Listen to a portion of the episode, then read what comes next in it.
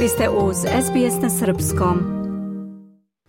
Preliminarni rezultati izbora u Srbiji koje su objavili CESID i Ipsos pokazuju da je na glasanje izašlo nešto manje od 60% upisanih birača, a da je ubedljivu pobedu na svim nivoima odnela vladajuća Srpska napredna stranka. Na osnovu više od 80% uzorka objavljeno je da je lista Aleksandar Vučić Srbija ne sme da stane osvojila dovoljno poslaničkih mandata u Skupštini Srbije da može da formira apsolutnu većinu. Na vezi je naša saradnica iz Srbije Mija Nikolić koja je pomno pratila dešavanja od zatvaranja glasačkih mesta. Mija, dobar dan i recite nam kako su protekli izbori i koje će još stranke i koalicije pored SNS-a ući u Republički parlament? Bane preliminarni rezultati CESID-a i Ipsosa na osnovu 80% uzoraka pokazuju da je na parlamentarnim izborima lista SNS-a dobila 46,4% glasova, to je 129 mandata. Na drugom mestu je Srbija protiv nasilja sa 23,3%, to jest 64 mandata. Treću poziciju zauzimaju SPS i Jedinstvena Srbija, Jedinstvena Srbija sa 6,7% ili 18 mandata. Koalicija DSS i POX imaju 4,8%, to je 13 mandata. Najveće iznenađenje ovih izbora je lista čiji je nosilac dr. Branislav Nestorović sa 4,8% podrške, iako joj niko nije davao nikakve šanse. Sve ostale liste prema dosadašnjim rezultatima i procenama su ispod cenzusa. Što se Beograda tiče, Aleksandar Vučić tvrdi da je lista koja nosi njegovo ime pobedila. Iz štaba koalicije Srbija protiv nasilja poručuju da su obe liste izjednačene, ali da najveća biračka mesta još nisu prebrojana, tako da do kasno noćas nećemo znati rezultate. Portal Insider piše da je lista SNS-a osvojila većinu u skupštinama Srbije, Vojvodine i Beograda i da vlast u prestonici sada zavisi od liste dr. Nestorović. Naj, e, najtačniju ocenu ovakvog izbornog ishoda, neočekivanog, dao je jedan analitičar, čije ime nisam uspela da ulovim, nije mi poznat, a koji je za Insider rekao da su oni njegove kolege zatečeni da smo svi podcenili Aleksandra Vučića, a da je izbore odlučilo to što su naprednjaci jak akcenat, najjači u kampanji stavili na to da sve što je u Srbiji urađeno poruče da je urađeno uz pomoć građana. I to su poručivali svakoj ciljnoj grupi opet i opet i ponovo, što je očigledno dalo rezultate. Mija, dok u narednim danima ne budemo imali zvanične rezultate izbora na svim nivoima, Kažite nam u kakvom se tonu sada govori o predizbornoj kampanji. Dosta često se pominjalo da je ona bila ne samo najprljavija, već i najskuplja, kao i da je viđen veliki broj slučajeva zloupotrebe institucija, pa čak i medija. Predizbornu kampanju jedni ocenjuju kao najprljaviju od 2000-te, drugi kao bledu i ni po čemu prepoznatljivu. Pritom nezakonite radnje, zloupotrebu funkcija, presing i zastrašivanje smatraju već viđenom praksom koja se odomaćila. Predstavljajući rezultate praćenja predizborne kampanje Crta i KOM su ocenili da je ona protekla u atmosferi sistematske zloupotrebe institucija, javnih funkcija i najvažnijih medija kojima su učesnici stavljeni u neravnopravni položaj.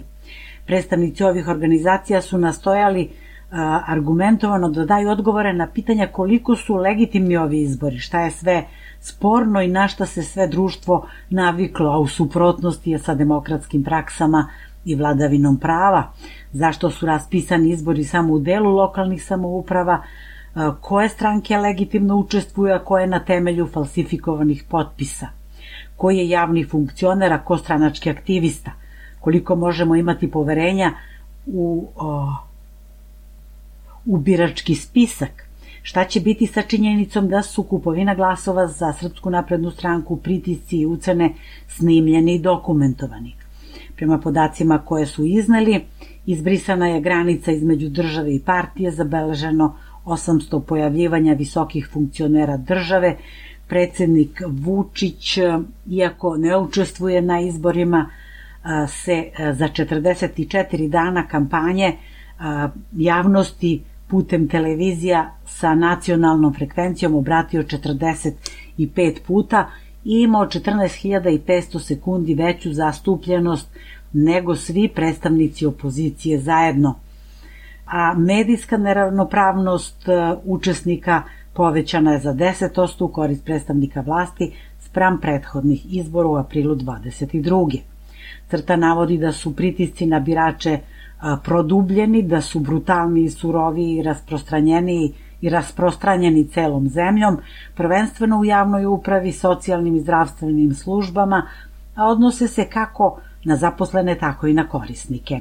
Navode da je zabeležena i masovna zloupotreba podataka građana, zadiranje u privatnost, zdravstveno stanje i mesto stanovanja, ekonomski status birača. Crta je podnela 67 prijava zbog kršenja zakona i različitih nepravilnosti tokom kampanji navela da je u tom periodu zabeleženo i 40 incidenata poput razbijanja prostorija, napada na aktiviste, fizički obračun, lomljenje štandova i slično. Demostat je ovaj trenutak opisao kao Monty Pythonovsku situaciju gde je vlast pokazala do kojeg nivoa su institucije u Srbiji zarobljene i ispolitizovane u kampanji protiv političkih protivnika, što je pokazao potpuni nedostatak institucionalnog odgovora na sva kršenja izbornog zakona. Oni koji su se bavili pitanjem koliko će ovi vanredni izbori koštati Srbiju, navode da će za finansiranje kampanje država izdvojiti najmanje 25 miliona evra – Ukazuju međutim da su oni nelegalni, teško uhvatljivi troškovi kada se javni resursi koriste u izborne svrhe, možda i veći od ovih legalnih. Transparentno Srbija na osnovu svog monitoringa ocenila da je ova predizborna kampanja bila najskuplja od 2004. i da je potrošeno nešto više para nego u kampanji za parlamentarne izbore 2012. Kada je reč o televizijskom oglašavanju, tu sa 60% vodi Srpska napredna stranka, a SPS je e, drugi sa 15%, ali ova organizacija upozorava da su partije tokom prethodnog perioda dobrovoljno dostavljale malo podataka o finansiranju kampanje, iako su po, po zakonu dužne da to čine. Transparentno Srbija prenosi zabrinutost međunarodne zajednice zbog zaključaka OEPS-a o nejednakim uslovima za stranke u ovoj izbornoj utakmici. Posmatračke misije OEPS-a, Saveta Evrope i Evropskog parlamenta saopštile su prošlog aprila da su izborni proces u Srbiji obeležile brojne neregularnosti, a one, kako navodi ova organizacija, ne da nisu otklonjene, već su se i pojačale.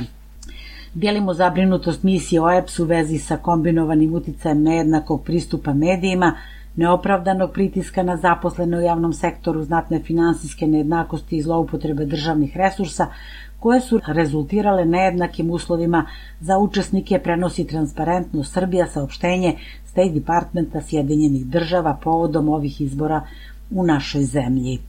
Ove izbore je inače pratio rekordan broj posmatrača, kojih je što domaćih, što stranih bilo 5587, a u pitanju je 9 srpskih udruženja i 25 međunarodnih organizacija. Najviše posmatrača su imali Crta 2500, CESID 974 i organizacija Pravac Evropa 813, pa do OEPS-a koji je uključen sa 250 posmatrača.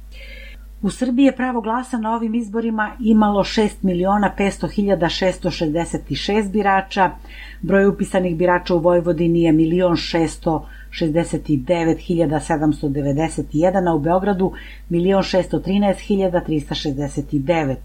Za glasanje u inostranstvu se prijavilo 32.216 naših državljana, a oni su mogli da glasaju na 81 biračkom mestu. U Srbiji izbori su organizovani na 8273 biračkih mesta. U prvim reakcijama po zatvaranju biračkih mesta Raša Nedeljkov iz organizacije Crta je rekao da, su iz, da je izborni dan veoma težak i loš i da će proces prebrojavanja trajati dosta dugo.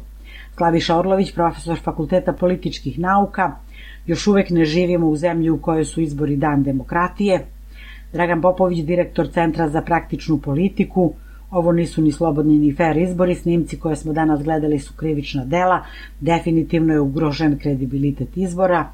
Kolumnista Dejan Ilić o našim trenutnim predvodnicima, to jest predvodniku, Vučić je sa svojima uradio sve da ljudima ili zgadi izbore ili da im utera strah u kosti u vezi sa izborima, a najbolje bi iz njegovog ugla bilo da im se primi oboje. O opoziciji u nekom idealnom svetu smejali bismo se opoziciji, molili je da se ozbilji, ali u bilo kom svetu, pa i u ovom našem, ona može više da pruži od predstavnika aktuelnog režima, napisao je Ilić. A u prvom obraćanju reprezenata vlasti i opozicije čuli smo dve različite informacije. U 20.10 po zatvaranju biračkih mesta predsednik Vučić je izjavio da u Beogradu još uvek nije prebrojan ni jedan glasi da se za glavni grad još ništa ne zna, dok je Ana Brnabić nešto kasnije izjavila da Srpska napredna stranka na 50% uzorka ima 47,1%. S druge strane, iz koalicije Srbija protiv nasilja su u 20 sati i 10 minuta poručili da imaju velike šanse za pobedu u glavnom gradu Srbije. Toliko za sad, Branko. Mija, hvala na izveštaju. Bila je to naša saradnica Mija Nikolić sa opširnim izveštajem o izborima u Srbiji koji su održani juče. Da ponovimo, prema preliminarnim rezultatima, apsolutnu vlast osvojila je Srpska napredna stranka, koja će prema projekcijama imati 129 poslanika u Skupštini Srbije. Vi slušate SBS na srpskom. Ja sam Branko Cvetojević. Ostanite uz nas. Dajte like, podelite, komentarišite. Pratite SBS Serbian Facebook profil.